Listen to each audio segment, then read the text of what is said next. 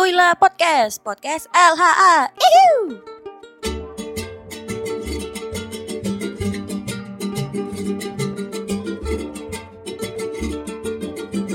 Hai, kembali lagi ke podcast Kui LHA.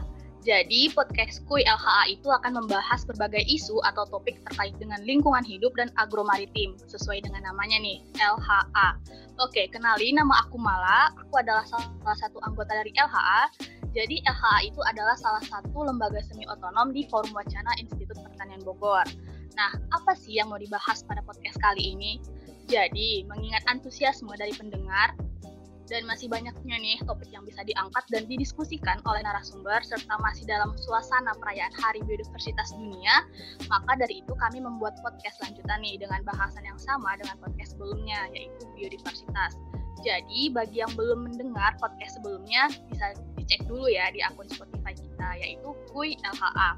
Oke, sebelumnya saya mau memperkenalkan narasumber kita terlebih dulu nih. Ada Mas Deka, Mas Bagas, dan David. Oke, mungkin boleh disapa dulu nih para pendengar kita dari Mas Deka, mungkin ya. Oke, uh, kenalan eh uh, mungkin lanjutan ya. Ya, Kenalan nama betul, Deka. Udah, singkat sekali.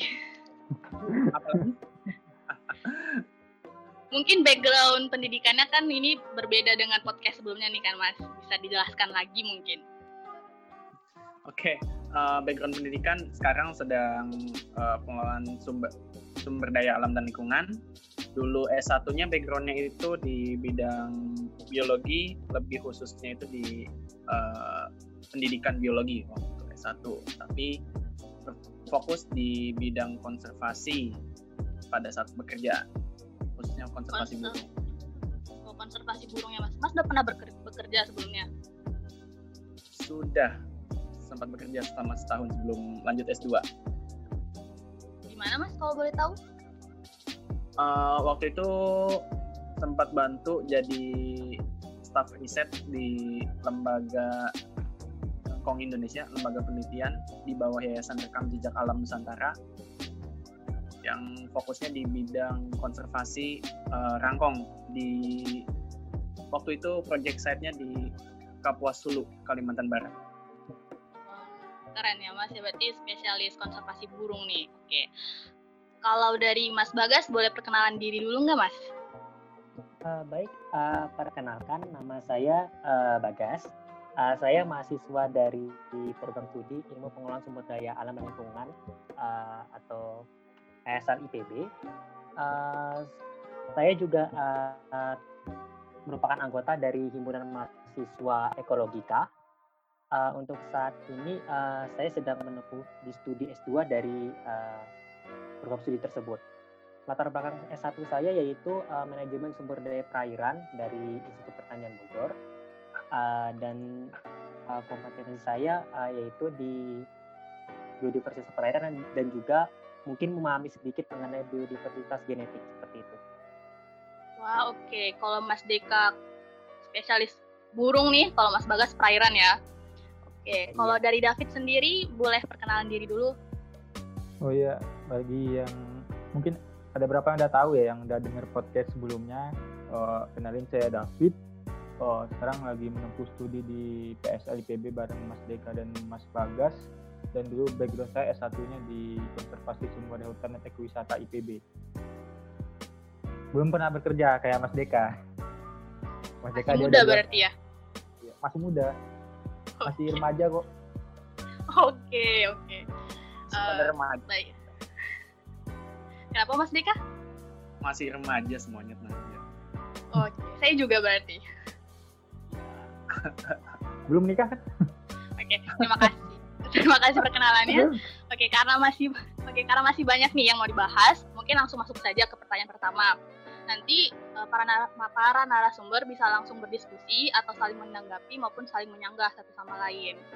Jadi pertanyaan pertama itu eh, saya ingin narasumber memberikan pemahaman yang eh, saya ingin bertanya kepada narasumber. Bagaimana memberikan pemahaman yang baik kepada masyarakat atau mungkin perusahaan ya agar tidak membuang sampah dan limbah ke laut. Karena seperti yang kita tahu limbah mereka itu uh, cukup atau mungkin sangat mengganggu segala bentuk biodiversitas laut yang di mana dapat menyebabkan kepunahan ikan atau makhluk uh, laut lainnya.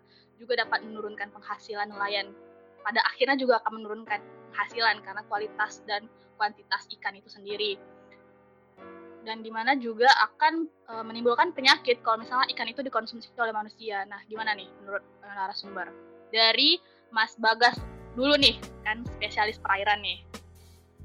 Uh, baik, uh, menurut saya uh, begini, uh, mungkin saya akan bagi uh, ke masyarakat dan juga ke perusahaan. Nah, jadi begini, untuk masyarakat itu mungkin cara yang paling klasik itu diberikan imbauan atau larangan langsung uh, terutama di lokasi-lokasi seperti pantai ataupun uh, di pinggir sungai ataupun di uh, tempat wisata bahari seperti itu. Itu yang paling klasik dan penerapan sanksi bagi yang melanggar.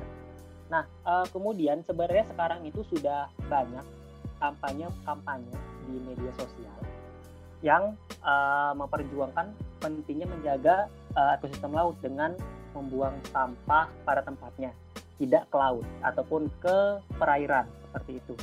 Dan memang untuk kampanye ini sudah uh, digaungkan oleh para tokoh-tokoh ternama. Uh, mungkin yang kita tahu mungkin uh, Ibu Susi Puja Sintia, uh, mata Menteri Kelautan yang saat ini uh, sebagai aktivis uh, lingkungan bahari. Uh, kemudian tentunya uh, kampanye juga di uh, disampaikan dalam bentuk uh, seperti infografis ataupun mungkin thread di Twitter seperti itu. Pokoknya dengan cara-cara yang lebih kekinian dan juga tidak lupa tentunya melalui media televisi seperti itu.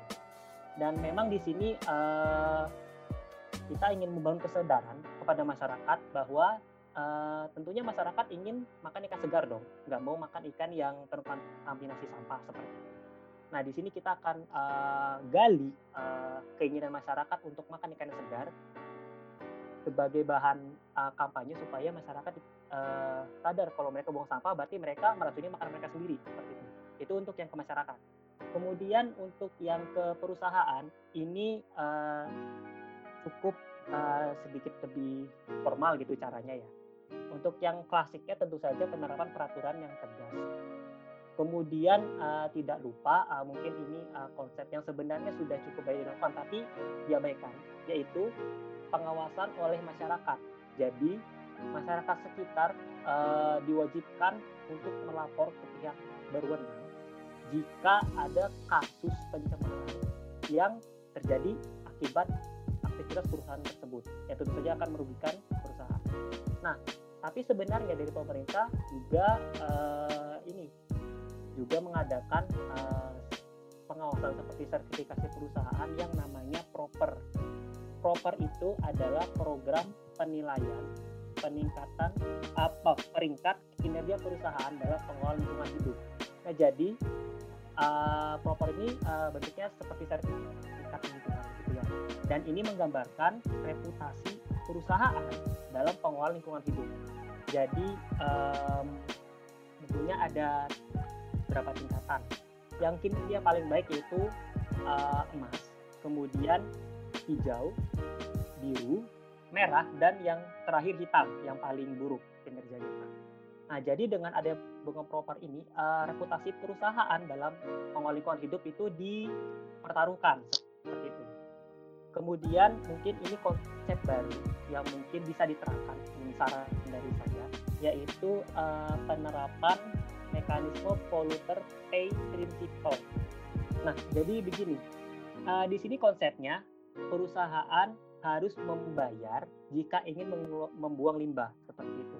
Nah, jadi uh, untuk penerapan ini perusahaan perlu membeli sertifikat dalam jumlah tertentu, di mana sertifikat ini masing-masing uh, mengatur berapa jumlah limbah yang boleh dibuang ke lingkungan. Jadi uh, dan dan sertifikat ini dijual seperti itu. Jadi uh, di sini kita akan uh, mencoba untuk uh, sedikit menggelitik ya aspek finansial perusahaan gitu kan supaya harapan ya perusahaan akan mikir-mikir lagi jika mereka ingin membuang limbah uh, dan jumlah banyak lingkungan seperti itu. Itu mungkin menurut panda, uh, pendapat saya.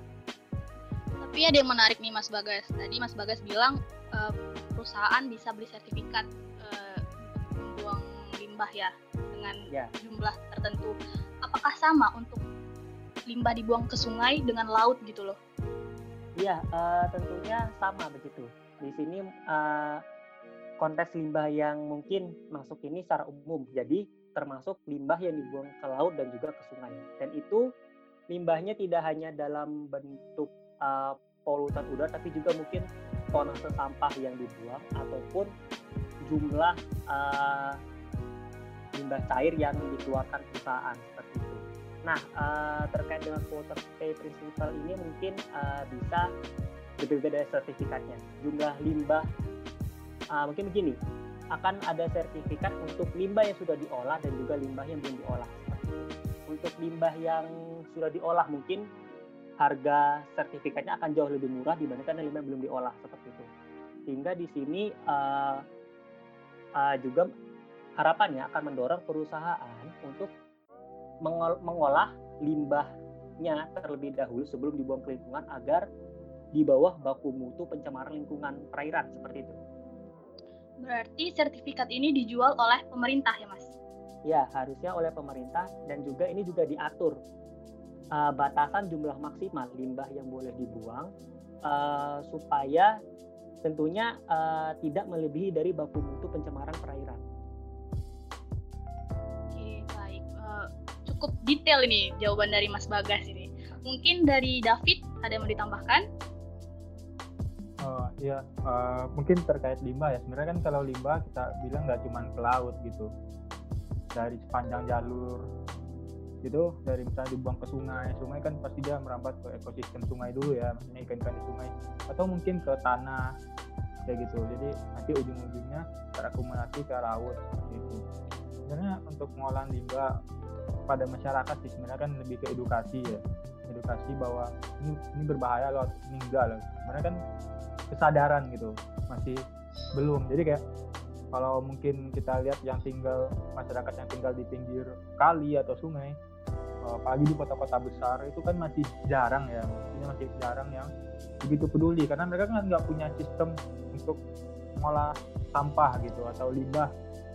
Jadi kayak kalau cuma lebih praktis loh kalau saya buang ke sungai gitu nggak repot-repot tinggal ke belakang terus buang beres gitu. Nah, gitu kita harus membangun kesadaran bahwa kalau apalagi terutama mereka yang tinggal di hulu pada yang di hilir kayak gitu kan kan dampaknya lebih banyak. Kita bangun kesadaran mulai mengajak terus kasih edukasi dan mungkin beri suatu penghargaan gitu. Penghargaan bahwa ini masyarakat berkontribusi menjaga kebersihan sungai dan kontribusi itu tersebut kan secara panjang ya. Jadi kayak masyarakat mungkin komunitas masyarakat bebas sampah kan sekarang banyak kayak komunitas peduli uh, sampah kayak kalau di Bogor juga ada yang peduli Ciliwung kayak gitu. Itu mengajak masyarakat buat uh, apa lebih care ke lingkungan. Nah, kalau untuk industri sendiri sebenarnya kita harus pahami kalau uh, di industri kan sebenarnya ada baku mutu kayak gitu. Ada batas baku mutu. Nah batas baku mutu ini uh, standar yang sebenarnya itu standarnya standarnya buat uh, pengeluaran limbah ke lingkungan. Nah tapi uh, akan lebih baik gitu kalau limbah itu diolah jadi zero waste. Tapi sebenarnya kendala dari pengolahan limbah zero waste jadi nol limbah gitu kan sebenarnya balik lagi ke biaya. Nah kalau di perusahaan itu kan tergantung. Jadi kalau dia mau masukin oh, biaya itu ke eksternal atau internal kalau eksternal berarti kan di, di luar ya. Jadi kayak pengolahan limbah ini di luar dari skala produksi. Tapi kalau misalnya ke internal berarti kan ke limbah termasuk dari kegiatan produksi seperti itu. Jadi kalau dia dihitungnya secara internal mungkin akan alangkah lebih baik seperti daripada dihitungnya eksternal. Nah betul kata Mas Bagas tadi sebenarnya kita harus apa memberikan reward gitu. Kayak kalau berapa sekarang ada berapa mungkin LSM saya bilang kayak mereka tuh mengampanyekan apa produk-produk yang bebas limbah atau limbahnya lebih sedikit gitu atau misalnya mereka yang lebih ramah lingkungan terhadap itu jadi kayak punya pasarnya sendiri dan ke depan bakal kita lihat orang tuh lebih peduli setelah ekonomi lebih baik masyarakat lebih maju dan mereka tuh pasti lebih pengen beli produk yang tidak merusak lingkungan gitu. Jadi harusnya perusahaan mulai sekarang siap gitu. Dan uh, apa buat uh, uh, perusahaan mereka memang harus menyediakan seperti itu. Mungkin ya Tapi- semua bisa gimana? Tapi apa mungkin? Tadi kan David bilang nih, kalau bisa zero waste ya produksi gitu perusahaan. Apa mungkin ya? Karena kalau di ilmu saya ekonomi kayaknya nggak itu harapan kayaknya kalau zero waste itu. Ah, iya, sebenarnya kalau kita bilang zero waste ini nggak mungkin zero waste banget ya 0% gitu. Tapi minimal, jadi kayak misal ada limbah diolah lagi, terus bisa diolah lagi, diolah lagi seterusnya. Jadi seminimal mungkin. Kalau misalnya nol limbah kan nggak mungkin karena itu apa hasil sampingan dari produksi. Tapi kan eh, semakin canggihnya teknologi, eh, semakin baik hasil yang output yang dikeluarkan dan lebih berkualitas seperti itu. Cuman ya gitu, apa kalau untuk uh, perusahaan mungkin mereka butuh adaptasi secara teknologi dan keuangan karena kan nggak semua perusahaan mampu melaksanakan hal yang seperti itu gitu paling gitu sih dari saya Oke, eh, buat Mas Deka nih, saya mau nambahin. Kan saya juga belajar eh, tentang tentang ini ya, di pencemaran lingkungan. Dan kalau Mas Deka kan tadi bilang fokus di masyarakat juga bukan Mas? Hmm, hmm, ada kita sedikit berhubungan Ya sama kan? masyarakat. Nah, untuk kelembagaan gimana Mas? Apakah bisa ya untuk membantu gitu kan? Soalnya seperti yang kita tahu, banyakkan itu bersifat top down nggak sih kalau kelembagaan di Indonesia mungkin juga di dunia ya kebanyakan. Gimana kalau misalnya diubah jadi bottom up itu berpengaruh nggak Mas Dika? Eh, ini balik lagi ke persepsi sama sudut pandang dari masing-masing individu ya. Kalau yang sepengalaman saya selama di apa eh, lapangan, kita berusaha memang eh, bagaimana caranya kelembagaannya ini menyokong rakyat bawah. Tapi eh, balik lagi, kadang yang di atasnya mau mendukung atau enggak. Tuh. Oke, Kalau terus? eh, sebetulnya bisa. Kalau bisa dibilang bisa bisa. Hanya saja balik lagi ke persepsi masyarakat, kesiapan masyarakatnya itu bagaimana. Karena pernah kita mencoba eh, dan pendekatan yang selama ini dilakukan untuk kelembagaan ya. Kalau saya di, pernah dalam bidang konservasi itu, kita memang eh, mendekati ke eh, masyarakatnya terlebih dahulu. Gitu. Karena dukungan paling kuat pasti dari masyarakat, nggak bisa kita ke atas dulu. Setelah itu, baru kita cari pemuka-pemuka ataupun orang-orang yang punya peran penting di situ. Nah, cuma balik lagi, ketika kita udah hubungannya kelembagaan dan itu bersifatnya ada insentif ataupun eh, bantuan, kecemburuan sosial pasti terbentuk. Nah, bagaimana eh, yang belum kita temukan adalah sistem yang mengurangi eh, apa kecemburuan-kecemburuan sosial yang muncul di masyarakat. Kecemburuan Nah, sosial seperti apa itu Mas? Saya pernah kasusnya itu kita mau eh, mungkin agak sedikit jauh ya dari soal pencemaran ya. Iya. Eh, jadi kita eh, bergerak waktu itu di desa dan eh, berhubungan dengan masyarakat yang pemburu. Itu. Kita mengajaknya pertama-tama itu ke para pemburunya dulu, bukan orang-orang yang i- ibaratnya yang nggak ada nggak terlalu punya peran penting dalam konservasi spesies ini. Ternyata setelah mereka tahu ini memiliki nilai ekonomi yang cukup baik, akhirnya mulailah terjadi kecemburuan sosial yang tadinya nggak diajak jadi pengen karena eh, ada uang yang bisa mereka dapatkan. Belak-belakannya uang lah. iya eh, gini sih eh, apa anggapin yang sebelumnya ya Mas Deka Eh, jadi ingat bahwa kita kan pernah kuliah ya masih kuliah tapi pernah kuliah gitu. Iya. Eh, bahwa ada suatu komunitas kalau nggak salah Jawa Tengah itu mereka tuh udah siap gitu ngolah sampah apa ngolah limbah ngolah limbah dari industri mereka udah difasilitasi sama pemerintah. Akan tetapi eh, apa kebanyakan ya nggak tahu juga sih di lapangan tapi ini opini saya ya Eh, kita tuh siap memberi bantuan tetapi kita tidak siap memberikan eh, perawatan seperti itu dikasih Hmm, bantuan iya. alat tetapi nggak ada perawatannya. Jadi kayak masyarakat tuh udah sadar loh gini. Tapi ketika masyarakat sadar terus mereka dikasih bantuan terus berjalan tetapi mereka nggak bisa untuk maintenance-nya gitu. Karena kan ini teknologi. Nah dan dalam pengadaan nah nggak ada biaya perawatan gitu. Cuma ada biaya bantuan. Nah, mungkin di situ sih salah satu kendalanya kalau di masyarakat. Kalau udah sadar dapat bantuan tapi nggak ada perawatan kan sulit juga gitu itu kasusnya juga pernah sih Fit. Jadi kayak waktu di uh, salah satu desa binaan di Taman Nasional Betung Kerihun, mereka dapat bantuan apa?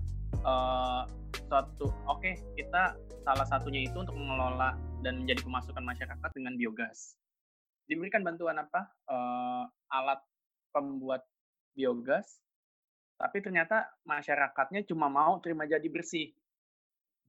Nah, persepsi yang seperti ini yang sebenarnya menjadi tantangan dalam pengembangan masyarakat di Indonesia khususnya dalam pembentukan kelembagaan begitu.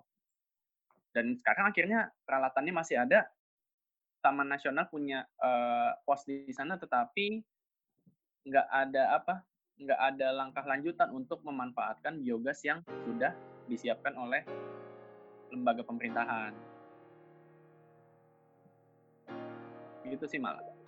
Jadi bisa disimpulkan kayak kata Mas Dika tadi ya, tergantung dari persepsi masyarakat itu sendiri. Baik lagi ke mereka tuh maunya seperti apa gitu ya, Mas. Iya, balik lagi ke persepsi masyarakat dan sejauh ini persepsi masyarakat adalah uh, ekonomi masih uh, tidak, dalam hal keuangan. Tidak bisa dihindari itu ya, Mas ya.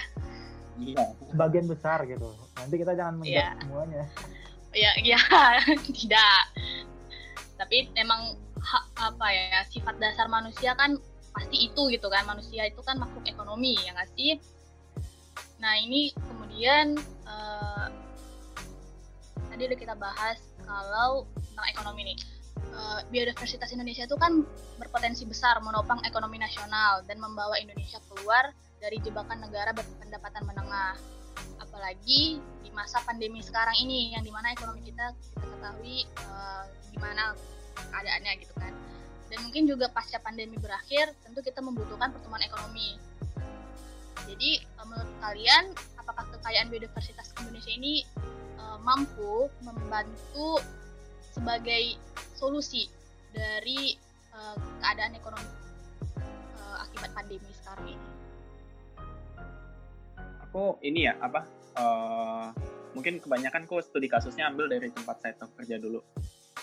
Kalau dibilang untuk uh, perekonomian kita. Kenapa? Karena kita bergantung dengan uh, apa ya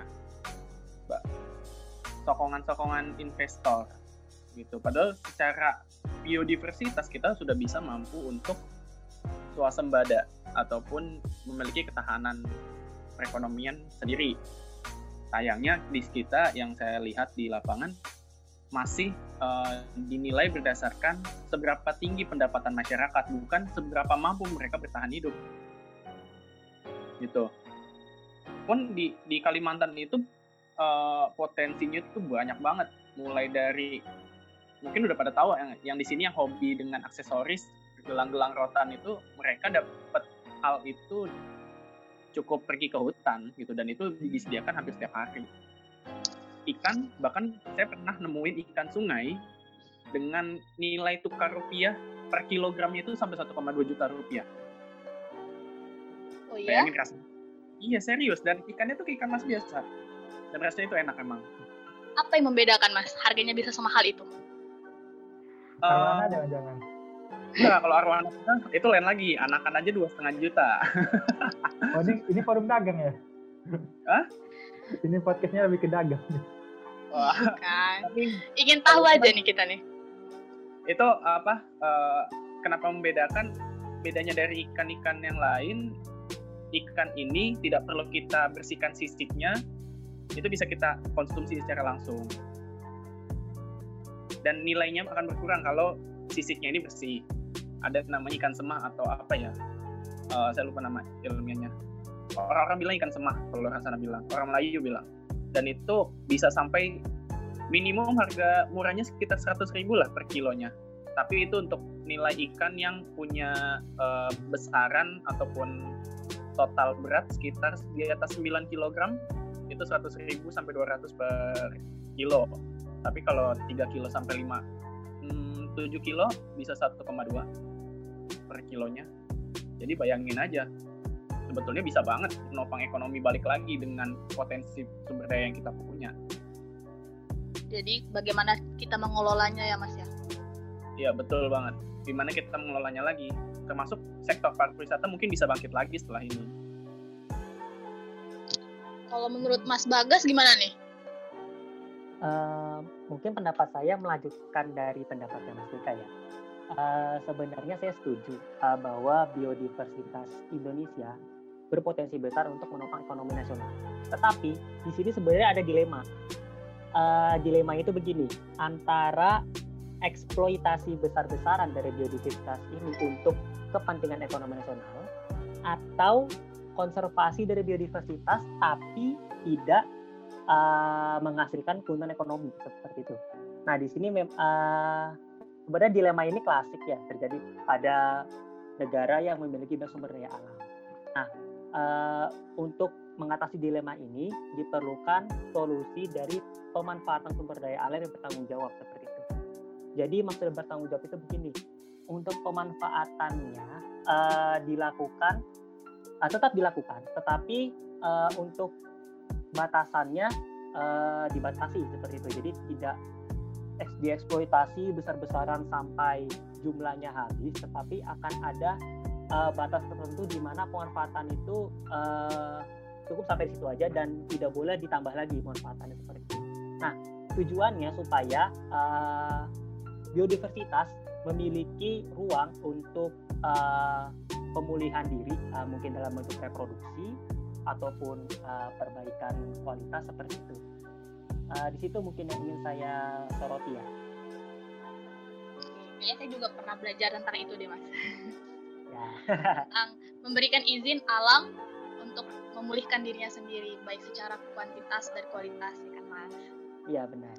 Oke, uh, kemudian kan sekarang ini lagi ramai sedang ramai ramainya kampanye SDGs. Mau tahu dong pendapat uh, narasumber atau pandangan kalian tentang hubungan antara biodiversitas dengan SDGs ini itu gimana gitu.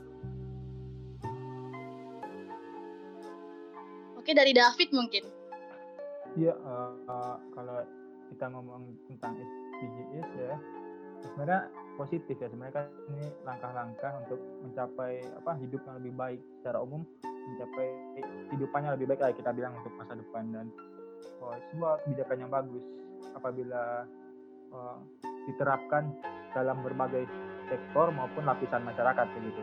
Kalau kita lihat sekarang di kampus-kampus mulai banyak penilaian indikator, misalnya indikator nomor satu atau nomor dua, kan kampus berlomba-lomba ya oh, buat jadi lebih baik ya gitu. Tapi apa ya kembali lagi apa kalau misalnya kayak parameter air dan parameter lainnya tuh uh, ke masyarakatnya. Jadi kalau kita sebagai masyarakat sekarang udah apa feel free lah ibaratnya untuk menerima informasi bisa searching nah kita sadarkan orang-orang yang belum tahu tentang apa SDGs kalau habis itu uh, kita mengajak jadi kayak indikator apa sih yang bisa dimaksimalkan di masyarakat ini? Nah itu peran kita kalau buat mahasiswa ya mahasiswa atau uh, sponsor atau komunitas itu ya, ya kita bangun sektor di poin beberapa kita bisa berperan gitu. Dan ini positif pemerintah pun menyokong kayak gitu. Jadi kita harus memanfaatkan teknologi media sosial seperti itu David ya iya teknologi itu apa kita nggak boleh jauh dari teknologi tapi nggak boleh jauhnya untuk berbuat yang positif gitu. Nah, sampai melakukan hal-hal bodoh lah di dunia maya dan tidak bermanfaat gitu. Ya betul. Sekali nah untuk Mas Deka dan Mas Bagas nih pandangan lain nih selain media sosial apalagi nih hubungannya antara SDGs dan biodiversitas? Oh, lebih ke arah pemberdayaan masyarakatnya sih sebetulnya bagaimana uh, masyarakat kita itu bisa memiliki ketahanan terutama kemampuan adaptasi nanti ke depannya buat menghadapi uh, permasalahan-permasalahan yang ada saat ini baik secara sosial maupun lingkungan jadi memang nggak bisa jauh-jauh dari masyarakat ini berarti ya mas ya iya kan ya kita hidup kan semuanya ya kan? bermasyarakat. Iya. Gak bisa kita Masyarakat. tinggalin. Kalau kita bilang masyarakat ini sebenarnya objek dari semuanya gitu ya. Mau kebijakan, mau apa kegiatan-kegiatan kan objeknya masyarakat walaupun ke sumber daya di, di- bikin oh, kebijakan tapi kan sebenarnya kembali lagi ke masyarakat nantinya seperti itu. Benar nggak Mas Deka? Mas Deka? Iya. Itu sih. Berarti udah, kun- udah, udah, udah di sama lah kurang lebih. Berarti kuncinya di masyarakat ya. Kalau Mas Iya. Bagas ada pandangan lain nggak? Em, sebenarnya secara umum sama ya untuk pandangannya itu eh, mungkin begini saya ingin menyoroti eh, dampak keanekaragaman ini terhadap pangan dan juga obat-obatan seperti itu di mana eh, ji- biodiversitas yang eh, ini yang tinggi akan memenuhi eh, as- SDG nomor 3 yaitu good health and well-being dan juga eh, juga termasuk ini ya dengan obat-obatan ya. Kemudian uh, Sustainable Cities and Communities SDG 11, kemudian juga uh, SDG 12 yaitu Responsible Consumption and Production. Mungkin seperti itu pandangan saya. Baik. Terima kasih. Mungkin sekian dulu ya podcast kali ini juga karena udah lebih mendalam lagi yang kita bahas pada podcast kali ini. Jadi, eh, namun sebelum saya tutup nih podcast kali ini, saya ingin mengucapkan terima kasih kepada ketiga narasumber atas ilmu yang diberikan. Atau ada mungkin mau tambahan kesimpulan, kata-kata penutup dari Mas Deka, David, atau Mas Bagas, mungkin satu orang saja yang berkenan. David biasa bagus pertanyaannya. Oke, David. Oh iya, eh, boleh deh gitu kasih kesimpulan sebenarnya apa eh, kembali lagi pada hakikatnya bahwa segala sesuatu itu tergantung pada nilai posisi manusia. Jadi apa pun kebijakannya itu bergantung pada posisi manusianya. Kalau kita bilang bahwa kebijakannya misalnya konservasi alam, alam eh, siklusnya baik, kembali lagi manfaatnya buat manusia seperti itu. Kita bikin kebijakan tentang menjaga laut, ya ujungnya bukan menjaga cuma hanya menjaga biota produksi atau apa peningkatan sumber daya tapi kan kembali lagi ke manusia nanti yang akan memperoleh nilai seperti itu. Eh, jadi eh, intinya sebenarnya ya kita harus prepare harus care harus aware ke lingkungan kalau lingkungan itu sumber daya utama. Dan ada SDGs saya nyebut SDGs ya saya kurang bisa bahasa Inggris nanti benerin aja. Gitu. Ah, SDGs nah ya. Jadi sebenarnya tuh hal-hal yang baik gitu sebenarnya itu hal-hal yang bikin yang pengen kita capai buat meraih kemandirian. Jadi biar kita bisa berdaya bisa ikut berperan aktif kalau semua indikatornya udah kita laksanakan dengan baik oh, saya, saya sendiri yakin kita ini bisa bersaing dengan bangsa-bangsa misalnya kayak oh, no hunger gitu tidak ada kelaparan. Karena kan sumber daya kita banyak tapi kenapa kita bisa kelaparan kayak gitu? Padahal kita bisa disertifikasi pangan nah gitu. Lagi kita harus care harus jaga dan harus peduli. Mungkin gitu sih. Oke, dengar tuh eh, kita harus jaga, harus peduli ya kan, David. Oke, Eh, terima kasih kepada narasumber, juga kesimpulan dari David. Gak lupa juga saya ingin mengucapkan terima kasih kepada pendengar yang sudah setia mendengarkan diskusi kita kali ini yang mungkin lebih panjang dari podcast sebelumnya. Dan jangan lupa untuk di follow akun podcast kita di Spotify Kui LHA biar nggak ketinggalan podcast edukasi lainnya terkait lingkungan hidup dan agromaritim. Oke, podcast kali ini sampai di sini dulu. Mohon maaf jika ada salah kata dan perbuatan dari saya. Saya tutup, sampai ketemu di podcast Kui LHA selanjutnya. See you!